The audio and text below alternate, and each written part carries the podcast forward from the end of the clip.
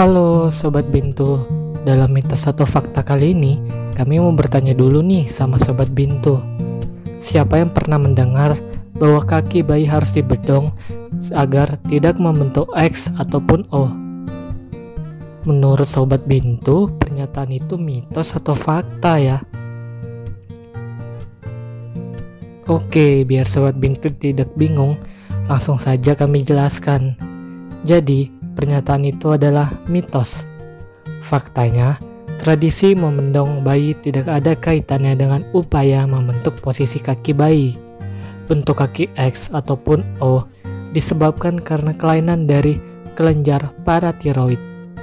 Karena itu, Bunda perlu perhatikan gizi sekecil untuk mencegah kelainan paratiroid ya.